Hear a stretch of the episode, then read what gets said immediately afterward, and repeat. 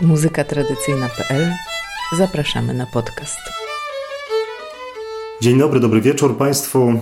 Dziś moim i Państwa gościem jest Maciej Żurek, postać, której w zasadzie nie trzeba przedstawiać, bo większa część działań związanych z muzyką Incrudo stała się udziałem Maćka, albo jest udziałem Maćka.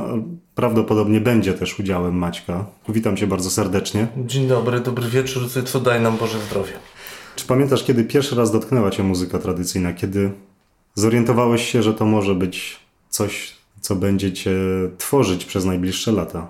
Wydaje mi się, że pamiętam, acz e, pamięć szczęśliwie jest organem twórczym. To znaczy, było to dawno temu. Ja byłem chyba wtedy, skończyłem ósmą klasę albo pierwszą liceum. Byliśmy w Brytanii. Tratwa, stowarzyszenie, w którym działałem bardzo, e, bardzo długo, zorganizowała taką wymianę i pojechaliśmy taką eskadrą panków e, z Olsztyna do, do Brytanii. No i pomiędzy tam różnymi przygodami i atrakcjami e, zabrali nas na Festnos. I nikt nam nie powiedział, szczęśliwie, że to jest muzyka tradycyjna, bo wtedy graliśmy pan Kroka, no i tak muzyka tradycyjna to nie jest w ogóle, także to dobrze człowiek reaguje na to, ale jeszcze gorzej ludowa, nie? Wtedy jakby nam powiedzieli. To było dla mnie porażające doświadczenie, bo to się działo w takiej, takiej stodole w zasadzie. I można było nabyć tam niedużym kosztem krepy, bretońskie naleśniki, dostać kufel cydru i były tańce korowodowe. I ktoś wtedy mi powiedział, że pierwsze wzmianki o tych tańcach pochodzą z XII wieku i to już zrobiło na mnie wrażenie, że są tańce z XII wieku i nikt o tym nie opowiada, nie ma sceny, nie ma w ogóle jakiejś narracji, tylko ludzie to robią. I zapamiętałem jakąś taką niezwykłą powagę w tym. Chociaż w ogóle to było strasznie radosne spotkanie. No jak to tańce, nie? Ale mimo wszystko było w tym coś, pamiętam to jako takie dostojne wydarzenie, a e, i zapamiętałem wtedy też to, że starzy, którzy tam byli i tańczyli, różnili się od młodych tylko wysokością ponoszenia nóżki w tym, a to wszystko działa jak jeden organizm. Pamiętam, że mnie to zafascynowało. Teraz bym powiedział, że to taka ogromna figura zbiorowa. Wtedy nie, nie nazywałem jakoś tego, tylko się zanurzyłem w to doświadczenie ciekawe i to było dla mnie na tyle silne, że nie rezygnując z tego pan kroka, zacząłem e, poszukiwać e, u nas. Znaczy pytanie moje było, czy u nas też są takie tańce, co ktoś powie, że z XII wieku. To tak pamiętam ten początek. Mhm. I to było uderzenie od razu? Tak, tak, tak, tak, tak. To wstrząs był potężny, ponieważ ja się nigdy z niczym takim podobnym nie, nie spotkałem wcześniej i przede wszystkim, że taki tłum niezmierny ludzi robi to, w ogóle naraz się nie wygłupiają przy tym, że to w ogóle, wiesz, że to trwa wiele godzin, no po prostu porządny potańc, nie? Tylko, że oni tańczą korowody, a nie jak my wirowe tańce. Jeździłem tam potem wielokrotnie. E, do tej Brytanii i pamiętam razu jednego, jak tam już któryś raz trafiliśmy na tą Fesnos, ktoś nas zagadnął, skąd jesteśmy. No, że z Polski. I oni mówią, no, ach, wspaniale, z Polski, pokażcie nam, jak się naprawdę tańczy e, mazurka. No, myśmy nie wiedzieli. nie wiedzieliśmy jeszcze wtedy nic o tym, że jest jakaś mazurka. No tak, więc jakiś czas trzymała się mnie ta, ta Brytania, no a potem zwolna zacząłem poszukiwania tutaj u nas na swoim podwórku. Ja zawsze miałem jakiś taki, wiesz, e, syndrom koziołka matołka. W sensie, że, że tam daleko nie trzeba szukać, że u siebie jak po dobrze poszukasz, to znajdziesz. No iśmy znaleźli przecież. A próbowałeś grać muzykę bretońską na początku? Czy... Tak, tak. Przez moment e, jakoś tak. skrzypce? Tak, skrzypce. Poszedłem do sklepu muzycznego i drogą kupna nabyłem e, skrzypce. Pan mi polecił tam taki wiesz, stroik, kto się dmucha w niego, żeby wiedzieć, jak te struny się tam stroią. Jak grałem na gitarze, grałem pankroka, grałem, to już tam wiedziałem, że trzeba nastroić. Nastroiłem i one, kurde, w ogóle zero dźwięku. Ruszam smyczkiem, w ogóle nic. Przyszedł mój kolega, mieszkał pode mną na parterze, mówi, ty, słuchaj, chodzę do mojej dziewczyny, biorę te skrzypce i one grają, u ciebie coś jest popsute. Ja mówię, weź się wypytaj, o co chodzi. No i wrócił po paru dniach. Widzę ten ten triumf w jego wzroku mówi kalafonia. to był ten sekret. Więc tak, pierwsze melodie, które w ogóle próbowałem zagrać na skrzypcach, jak sobie je kupiłem, to, to były właśnie melodie bretańskie. Wróciłeś do domu z niedosytem? No, zdecydowanie. Mówisz o tej Brytanii. Tak, Brytanii. wróci, wr wróciłem, wróciłem z Brytanii z niedosytem, no i z pomysłem poszukiwania muzyki naszej. No i ona najpierw polegała na tym, że próbowałem przejrzeć jakieś śpiewniki muzyki warmińskiej, którą, którą znalazłem, no ale to w ogóle nic nie działało. Ale mój kolega Marek Ruczko wtedy wydłubał gdzieś płytę muzykantów nagraną na Warmii. Byli to muzykanci bojkowscy. No, emigranci, znaczy no, przesiedleńcy, którzy zostali po wojnie tutaj e, gdzieś u nas e, osadzeni. I to było pierwsze zetknięcie w ogóle z polską muzyką tradycyjną. E, próbowaliśmy coś z tych płyt się nauczyć grać.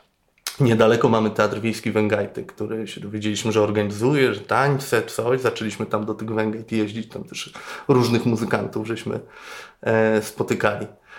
Ale tak naprawdę to ta przygoda zaczęła się w momencie, kiedy nie pamiętam skąd przyszło dokładnie to odkrycie, że to nie jest tylko tak, że to są tacy rekonstruktorzy, którzy przyjeżdżają do Węgajt, tylko że jak pojedziesz do nas na wieś, to możesz spotkać w ogóle muzykantów. No, po tej powrocie z tej Brytanii to ja miałem takie poczucie, że może u nas byli jacyś muzykanci, ale pewnie wymarli w tym XII wieku, nie? I nie pamiętam, czy to Jacek Hałas mi wtedy opowiedział, że w ogóle trzeba wsiąść, wiesz, w pociąg, w autobus, jechać, popytać. No i myśmy tak pojechali z moim kolegą Markusem. Mieliśmy zawsze taki, taki tryb, że jechaliśmy pociągiem, autobusem, ale że jak wiedzieliśmy, że gdzieś jest jakiś muzykant, to wysiadaliśmy tam, wiesz, dwie wsie dalej, żeby przejść jakąś podróż, odbyć na piechotę. No i podróżowaliśmy bez e, namiotu żadnego. W ogóle mieliśmy śpiwory, skrzypce, bęben, chleb, cebulę i flaszkę wódki. No wiadomo, że tam do, do muzykanta trzeba mieć flaszkę wódki. Przynajmniej mieliśmy takie prze, przeczucie wtedy, że to będzie w dobrym tonie. No i e, tak wakacje nam tam schodziły, nie? że tu tydzień wyjechali, tu pochodzili, czasem się udało, spotkaliśmy kogoś. Czasem żeśmy nie spotkali, pamiętam jak gdzieś jak w Lubelskim gdzieś żeśmy wysiedli, taka strasznie długa wieś.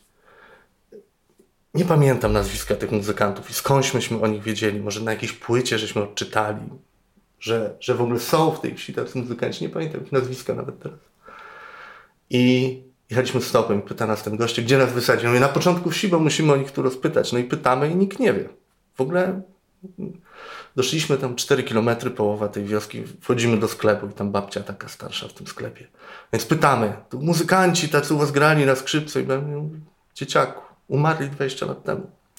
Więc to czasem mieliśmy takie tropy, wiesz, które działały że spotykaliśmy muzykantów żywych, ale często było tak, że błądziliśmy zupełnie już po, po zaświatach w tych, w tych poszukiwaniach. No i tym trybem chyba to był Jacek Hałas, który też mi podpowiedział, że w, przy Stałowicach, że to jest taki znakomity, e, znakomitych dwóch skrzypków Gaca Jedynak. Myśmy sobie wbili do głowy, że muszą grać razem i żeby tam do nich w ogóle e, trafić.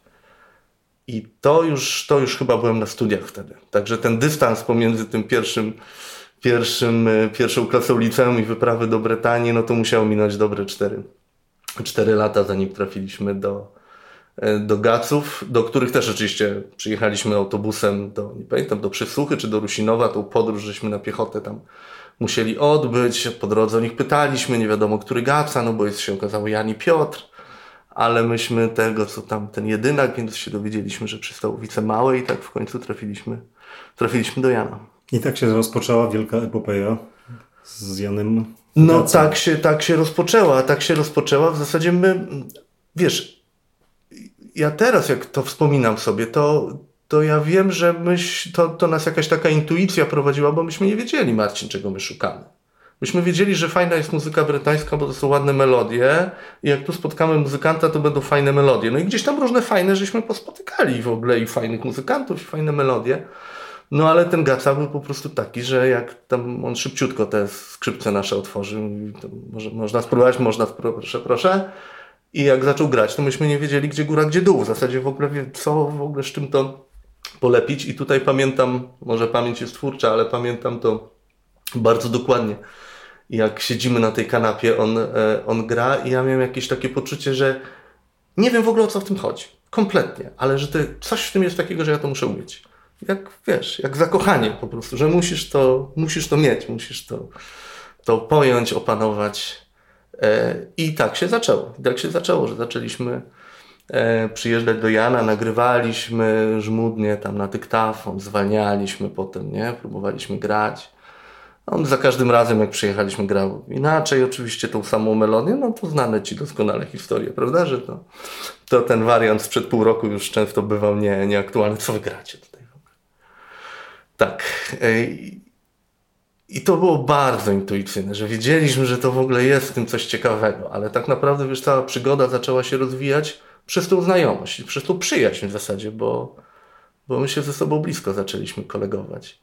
Więc oprócz samego tego grania, którego żeśmy, no tam nie, nie byliśmy chyba super pojętnymi uczniami od razu, ale Jan y, po prostu nam opowiedział kontekst, on nam opowiedział wszechświat muzyki, o weselach, y, o zabawach w remizie, o pograjkach, że trzeba było łóżko wynosić. I ja to pamiętam chłonąłem jak gąbka. No, moja wyobraźnia jakby działała, kiedy on mówił o tym, że tu trzeba było szafę przesunąć, tu łóżko wynieść i wtedy było miejsce do tańca i się w takiej izbie, o panie, tutaj 20 par mieściło. Ja mówię, nie, no musimy to zrobić, musimy w ogóle... Podążaliśmy jakby za takimi impulsami, które wiedzieliśmy ja i Marek Ruczko, bo mówiąc w liczbie mnogiej jego wspominam, że wiedzieliśmy, że tam jest w ogóle jakaś przygoda, coś się, coś się kryje. Więc zaczęliśmy Jana namawiać, żeby tych sąsiadów może zawołał tutaj, no to wiesz, to, były, to był rok 99, jak trafiliśmy do Jana, więc tam to nie było tak, że wszyscy byli chętni żeby się zebrać przy, przy starej muzyce i przy niej potańczyć. Długo tego nie rozumiałem. W zasadzie mam wrażenie, że ja dopiero teraz zaczynam rozumieć, dlaczego oni chcieli się przy niej spotkać, potańczyć i w ogóle skąd ten opór cały społeczny. To, to rozumienie przyszło dla, do mnie dużo, dużo, dużo później, ale nie było to wcale, wcale proste, żeby ich zgromadzić. Ale też pamiętam to, że kiedy takim fortelem udało się ich zgromadzić w jednym miejscu, a Fortel polegał na tym, że obiecaliśmy, żeby tutaj mamy kamerę i chcemy nagrać tańce. Jak to się kiedyś tańczyło? E, jak to zawsze w bajkach bywa i to nie jest moja twórcza pamięć, tylko tak było, jak żeśmy tam wcisnęli Enter, wiesz, w tej kamerze, to ona się coś się z niej, paski takie zaczęły no nie działa, ale ja musiałem siedzieć, wiesz, z tą kamerą, no bo pokazywali tej kamery coś 15-30 minut po pierwszym, drugim kieliszeczku już ta kamera w ogóle nie była istotna. Tam się zaczęło. Po prostu zaczęło się w tej izbie to, o czym nam Jan opowiedział i nam zostało tylko tyle z Markusem, żeby siedzieć jak w trusie i to chłonąć całymi sobą, jak się, jak się zaczęły tańce i śpiewy wyrywasów. To, to były wszystko jakby super nowe dla nas e, doświadczenia wtedy.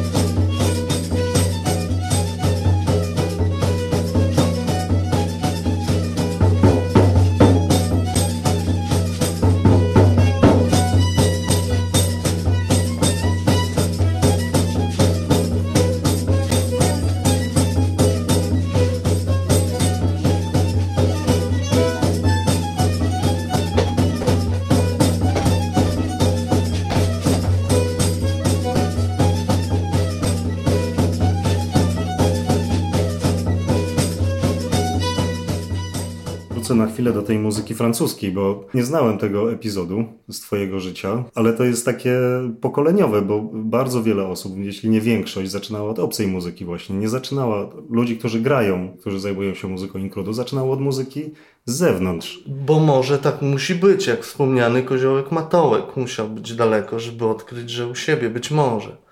Zobacz też, że w jakimś sensie ta muzyka brytońska była bardziej dostępna. W sensie nawet jako hasło. Po pierwsze, nie jest muzyką ludową, tylko jest jakąś muzyką bretońską. Jest, jest muzyką z zagranicy? Jest z zagranicy, jest skądś w ogóle daleko. Ma jakąś historię o tańcach, które tam z XII wieku. Trochę inna historia. Ci goście, którzy to grali, pamiętam wtedy, wiesz, żadnych strojów, tam nic. Przeróżne te instrumenty. Niektórzy grali w takich super ortodoksyjnych składach, na bombardę i biniu, taka muzyka, że nowoczesne ucho, wiesz, po 15 minutach odpada. A niektórzy grali w ogóle z gitarą basową i w ogóle im to nie przeszkadzało, że grają, wiesz, na jednej, e, na jednej fesnos. Więc może tak jest, że po prostu trzeba zacząć gdzieś daleko, bo w jakimś sensie jest to jednak, e, jest to jednak proste, bardziej dostępne, właśnie przeskakujemy kilka takich progów um, złych skojarzeń. Może tak. Mhm tak się zastanawiam, czy cały czas nie jesteśmy jednak, czy cały czas nie jesteśmy w takim momencie właśnie, że gdzieś mówię w liczbie mnogiej teraz o środowisku, które właśnie zajmuje się muzyką nie stylizowaną, muzyką tradycyjną, ludową, graną do zabawy, autentyczną. Czy cały czas nie odkrywamy jeszcze tego, chociaż już jest dosyć duże grono ludzi, które się tym y, zajmuje, chce w to wchodzić. Marcin, mi się wydaje, że jesteśmy w zupełnie innym momencie. Bo zobacz, że mamy zupełnie inny PR wokół tej muzyki, zupełnie inną narrację. To nie jest narracja o muzyce ludowej i zespole pieśni i tańca, które można zobaczyć na scenie, nie? To jest narracja o żywej sytuacji, żywych ludziach, e, graniu, które jest w dużej części improwizacją, że tam opowiadasz też o sobie, nie tylko jakby odgrywasz to, co przygotowałeś.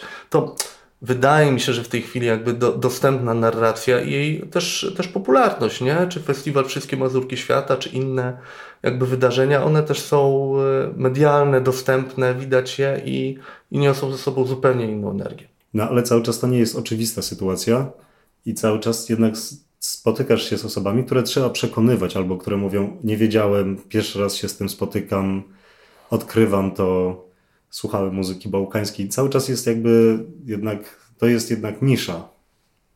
Tak, no bo można powiedzieć, że wiesz, że takie przekonania o jak to się mówi, nie, nie lubię hamstwa i muzyki góralskiej, tak? Że przekonania tego typu, czy muzyka ludowa w ogóle jest wiesz, do niczego i to zespoły pieśni tańca, albo że to są takie stare babcie, co fałszują, to w ogóle to są struktury długiego trwania. Że w ogóle mogłeś nie słyszeć nigdy tej góralskiej muzyki, ale jest coś takiego kulturowo, że mamy, mamy już taką narrację opowiedzianą.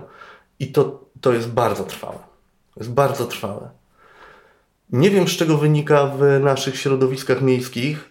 Zaczynam, tak jak Ci opowiedziałem, e, opowiadałem, e, rozumieć, albo doszło to do mnie parę lat temu, z czego wynika to e, w środowiskach wiejskich. Nie? Jakby taki opór duży, który tam na, na początku naszych przygód nam, nam towarzyszył. Ale to nie są przekonania, które pękają, wiesz, po, po roku, czy po dwóch, czy po tym, że się zetkniesz z jakimś wydarzeniem e, jednorazowo.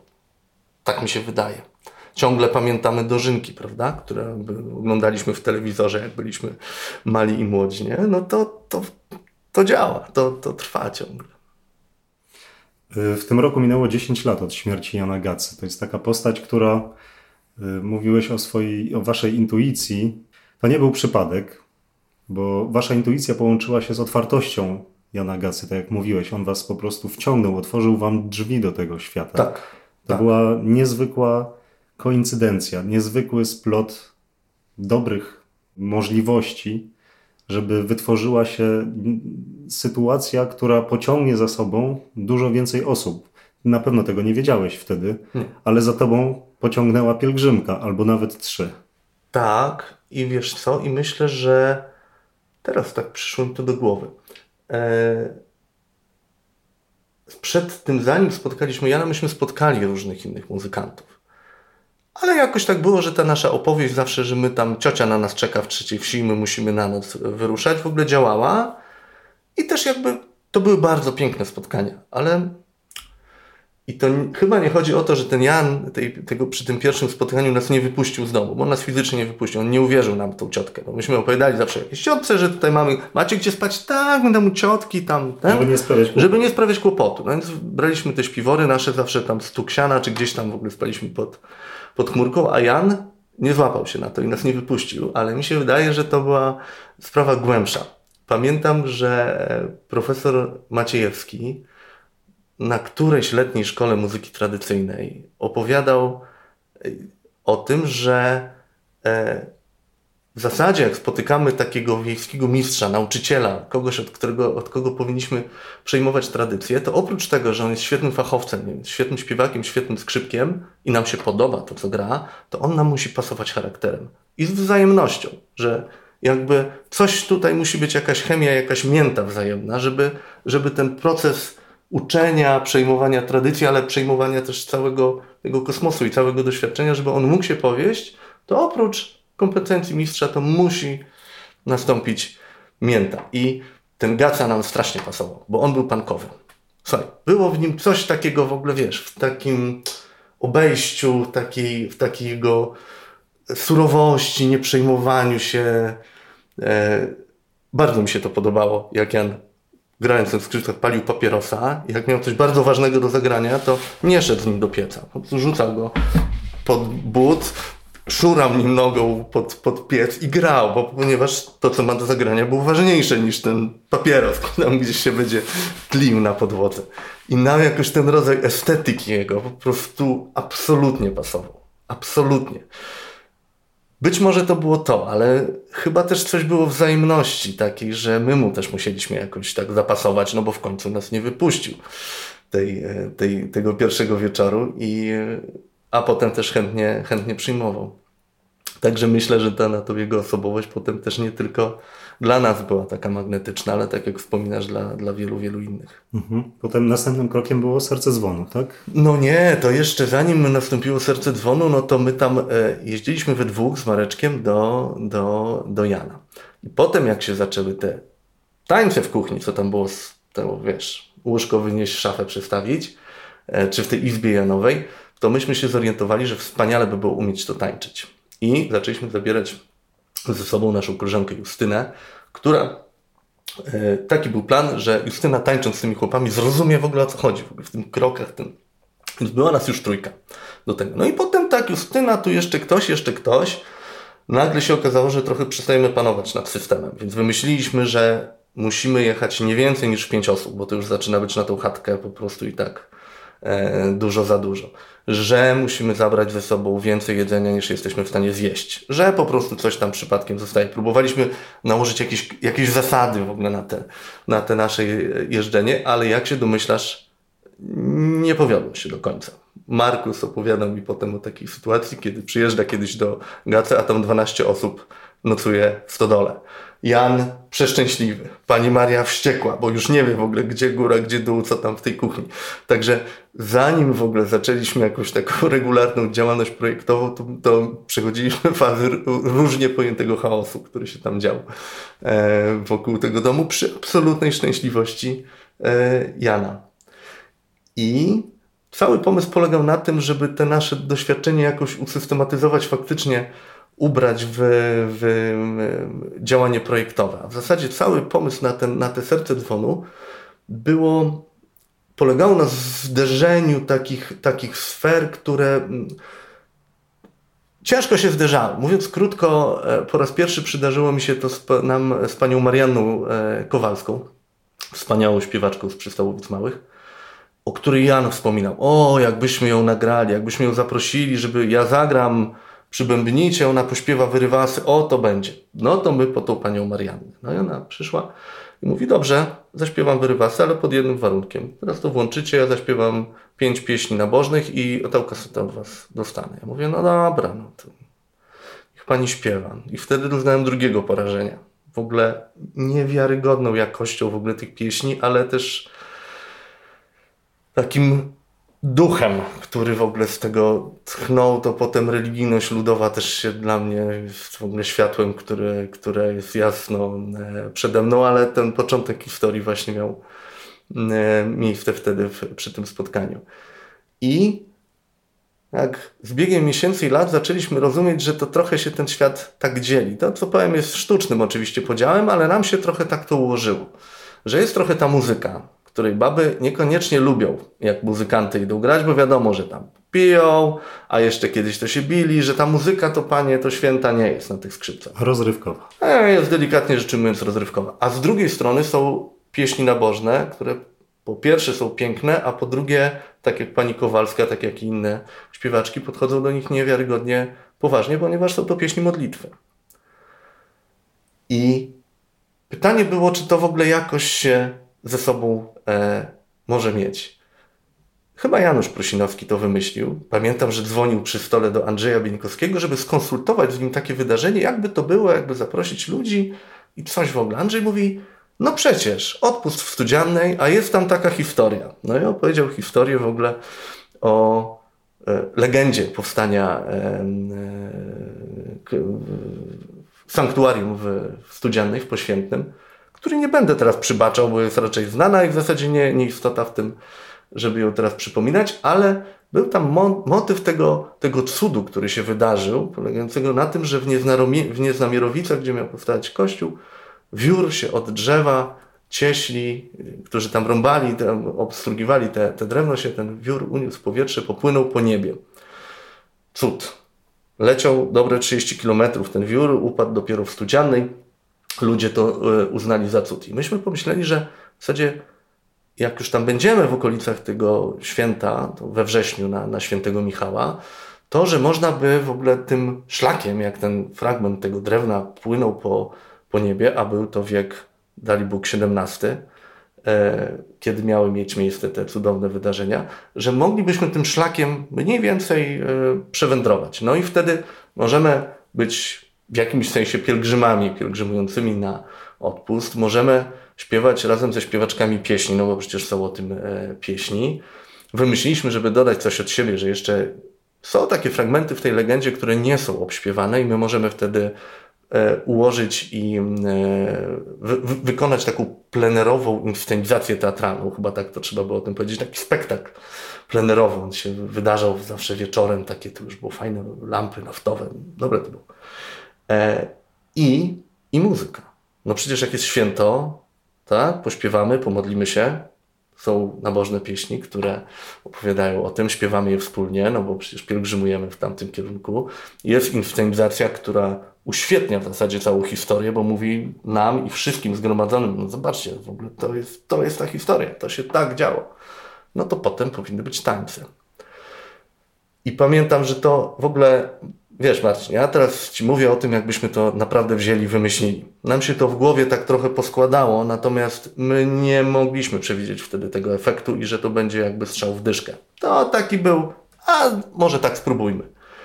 I jak Jan opowiadał kiedyś o tych zabawach w remizji, że, ten, że te ściany robiły się wilgotne i chłopy wyciskali koszulę, to pierwszy raz we wsi Nieznamierowice tak się wydarzyło, ale było tak, że po śpiewach, po tym spektaklu ksiądz przyszedł, tą, te tańce z nami otworzył i w zasadzie bez szczególnych zaproszeń ta kolejka tych muzykantów, wtedy jeszcze w ogóle absolutnie czynnych, miejscowych, którzy tam stali do, do zagrania była ogromna.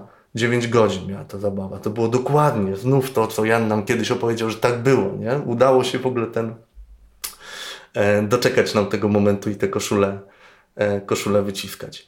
I to było jakby, ten, ten pomysł był, był osią tego, że wiele lat przecież spotykaliśmy się tam, żeby tą, żeby tą trasę odbyć. W zasadzie do momentu, kiedy to się stało trochę samodzielne. W tym sensie, że i przed odpustem i w odpust te zabawy zaczęły się naturalnie dziać. Już niekoniecznie tam po trasie wędrówki tego wióru, ale wiadomo, że na Michała tam tańce będą. No to, to w zasadzie i też jakby te, te przedsięwzięcie jakby no... Spełniło swoje zadanie. Spełniło swoje zadanie, mówiąc krótko. Kochанko, a do stodoły na sianko, a nie zamykaj za sobą, a bo ja idę za tobą, a nie zamykaj za sobą, a bo ja idę za tobą.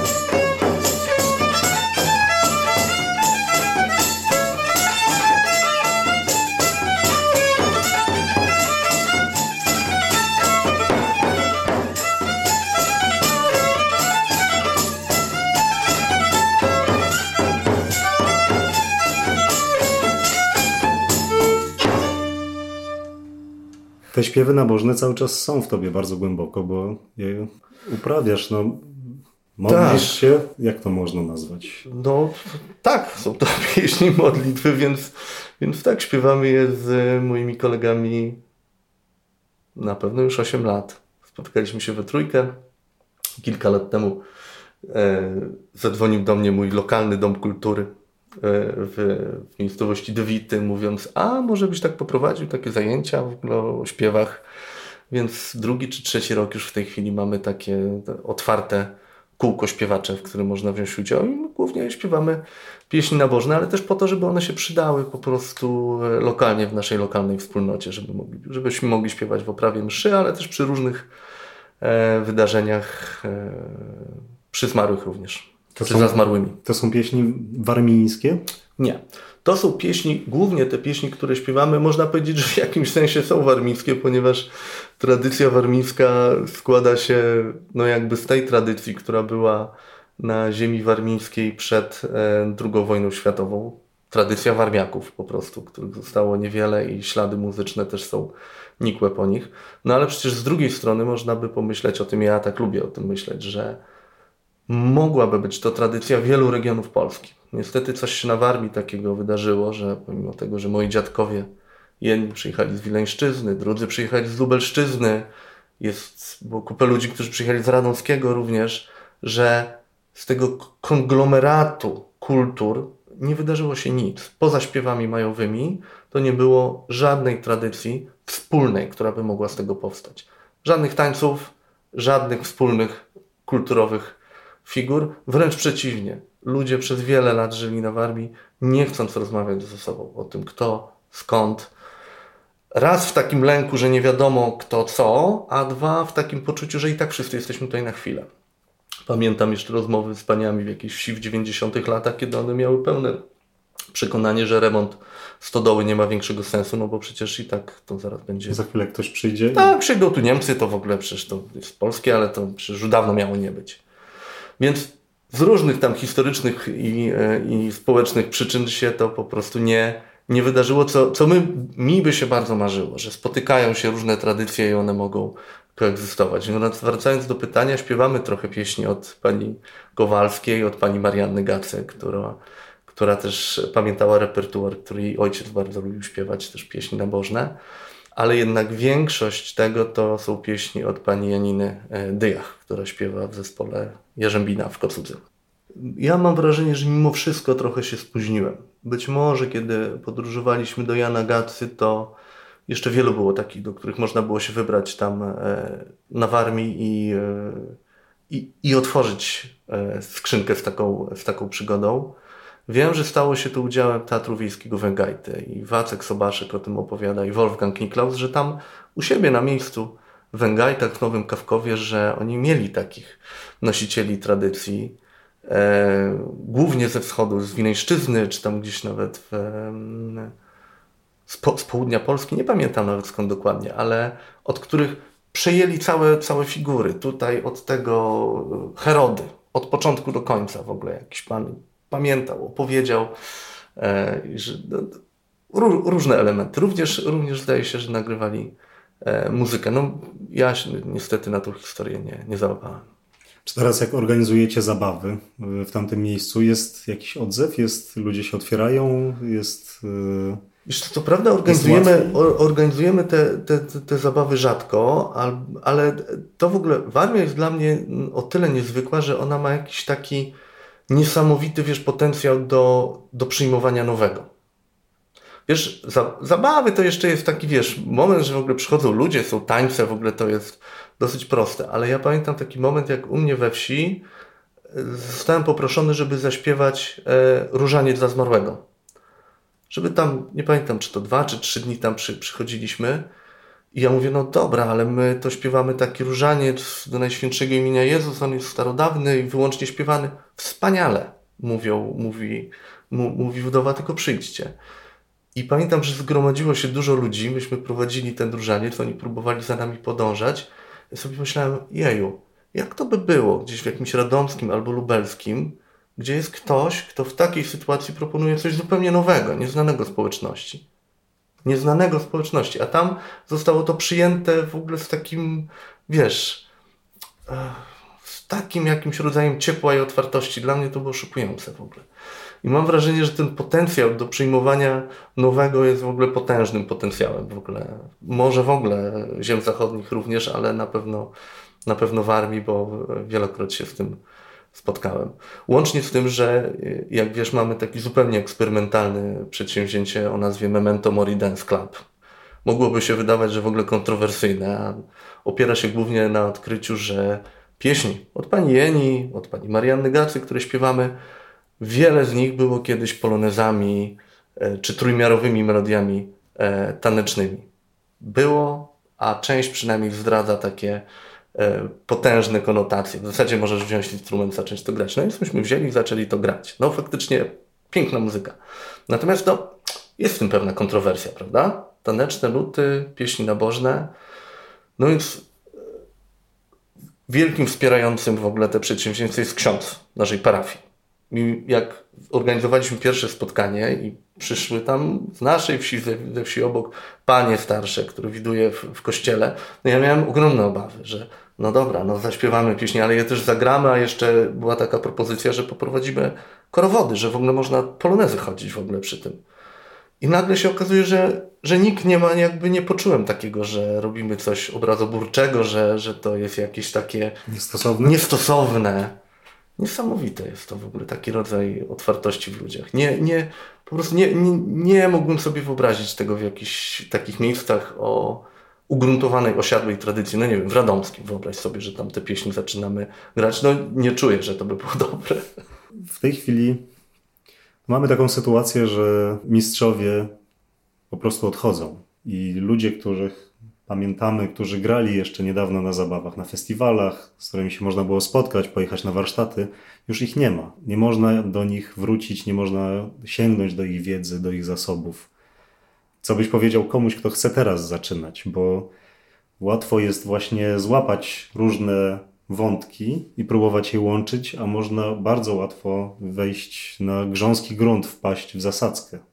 W takiej sytuacji, choćby łącząc światy, których może nie powinno się łączyć. Mogłoby to się skończyć katastrofą. Tutaj też może. Tutaj też może.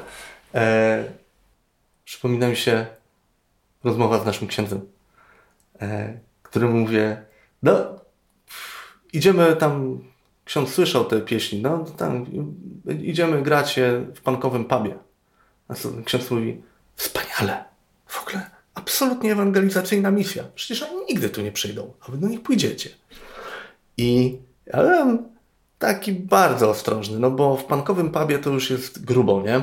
Wyjechać z pieśniami nabożnymi. Wiesz, jakie to było piękne spotkanie? W pewnym momencie nie wiedziałem, czy oni tak w ogóle zastygli wszyscy, bo się jeżą, czy coś.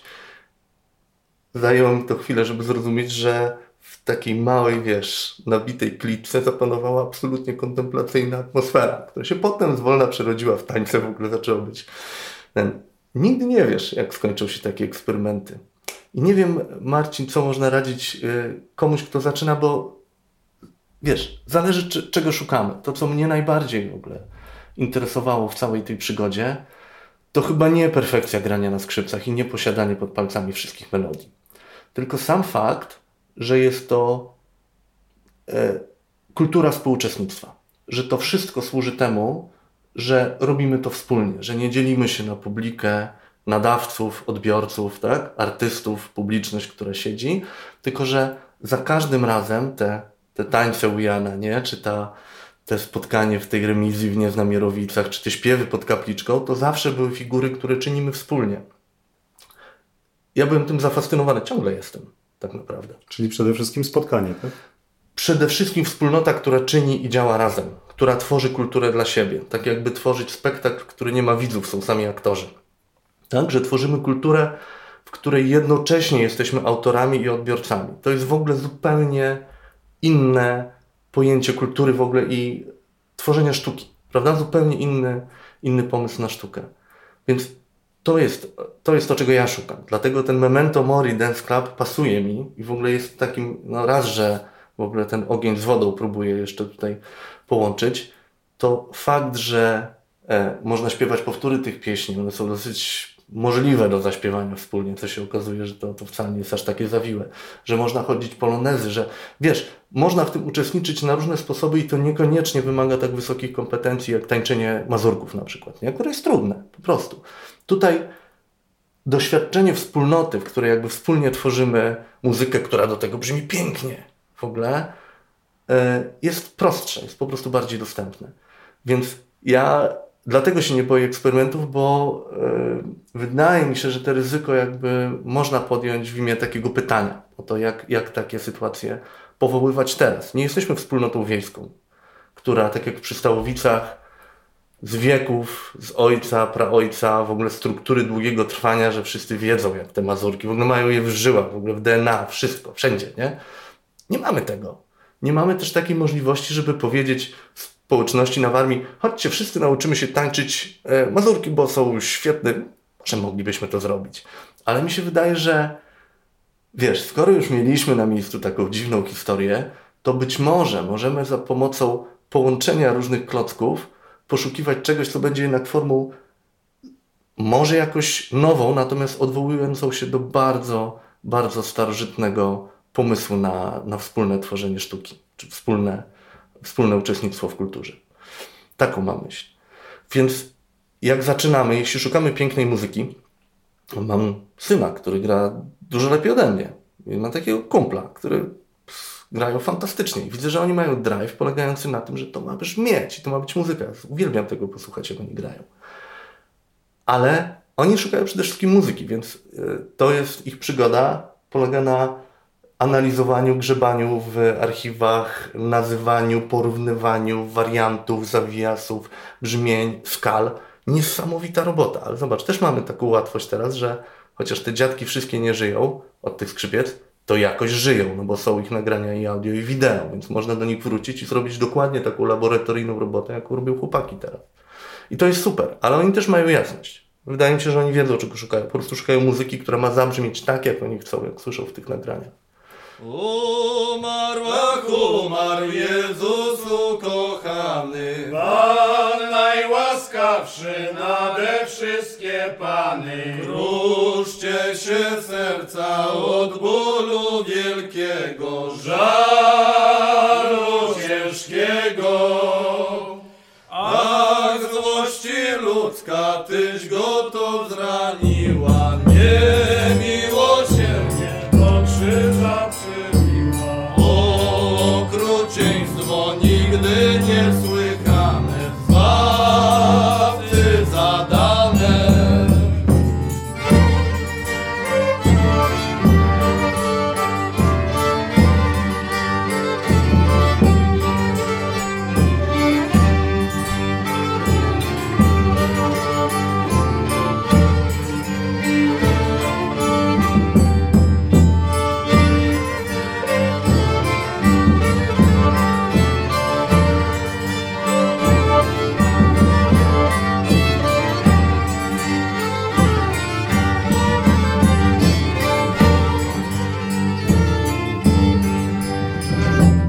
Chciałem Cię jeszcze zapytać o y, takie poczucie, zaczęliśmy o tym rozmawiać, zacząłem o tym mówić, o takie poczucie pustki, odchodzenia właśnie. Ostatnimi laty y, przewija się za sprawą Adama Struga hasło Agonia. To tytuł jego filmu, który opowiada właśnie o stanie tradycji, o stanie muzyki tradycyjnej w Polsce. O tym, że Polacy porzucają trochę na swoje życzenie też swój kod kulturowy. Jaką Ty widzisz przyszłość? Ja myślę o tym trochę inaczej, wiesz? Mm, Zastanawiam się często nad regionami, e, w których nie przetrwała na przykład świetna muzyka instrumentalna, albo w ogóle jest w takim zupełnie bardzo prosta, jest jej bardzo mało, natomiast ma przepiękne, rozbudowane śpiewy. Można by o tym pomyśleć też w ten sposób, że jeśli jest coś bardzo cennego w kulturze, to to będzie trwało. Nie wiem jak.